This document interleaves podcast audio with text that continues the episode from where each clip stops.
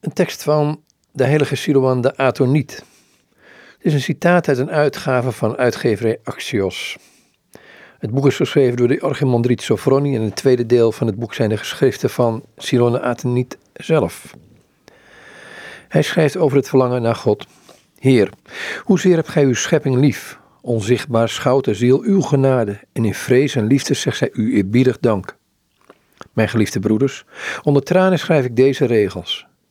Wanneer de ziel de Heer liet kennen door de Heilige Geest, verwondert zij zich elk ogenblik en onophoudelijk over Gods barmhartigheid en over zijn majesteit en zijn macht.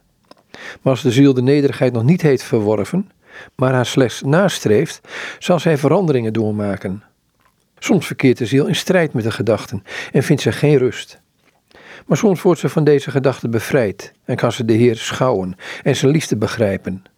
Daarom zegt de Heer ook: Leert zachtmoedigheid en nederigheid van mij, en gij zult rust vinden voor uw zielen. Als iemand geen nederigheid, liefde en goedhartigheid leert, dan zal de Heer hem niet verlenen hem te leren kennen. Maar de ziel die de Heer in de Heilige Geest heeft leren kennen, is gewond door zijn liefde. Ze kan hem niet vergeten.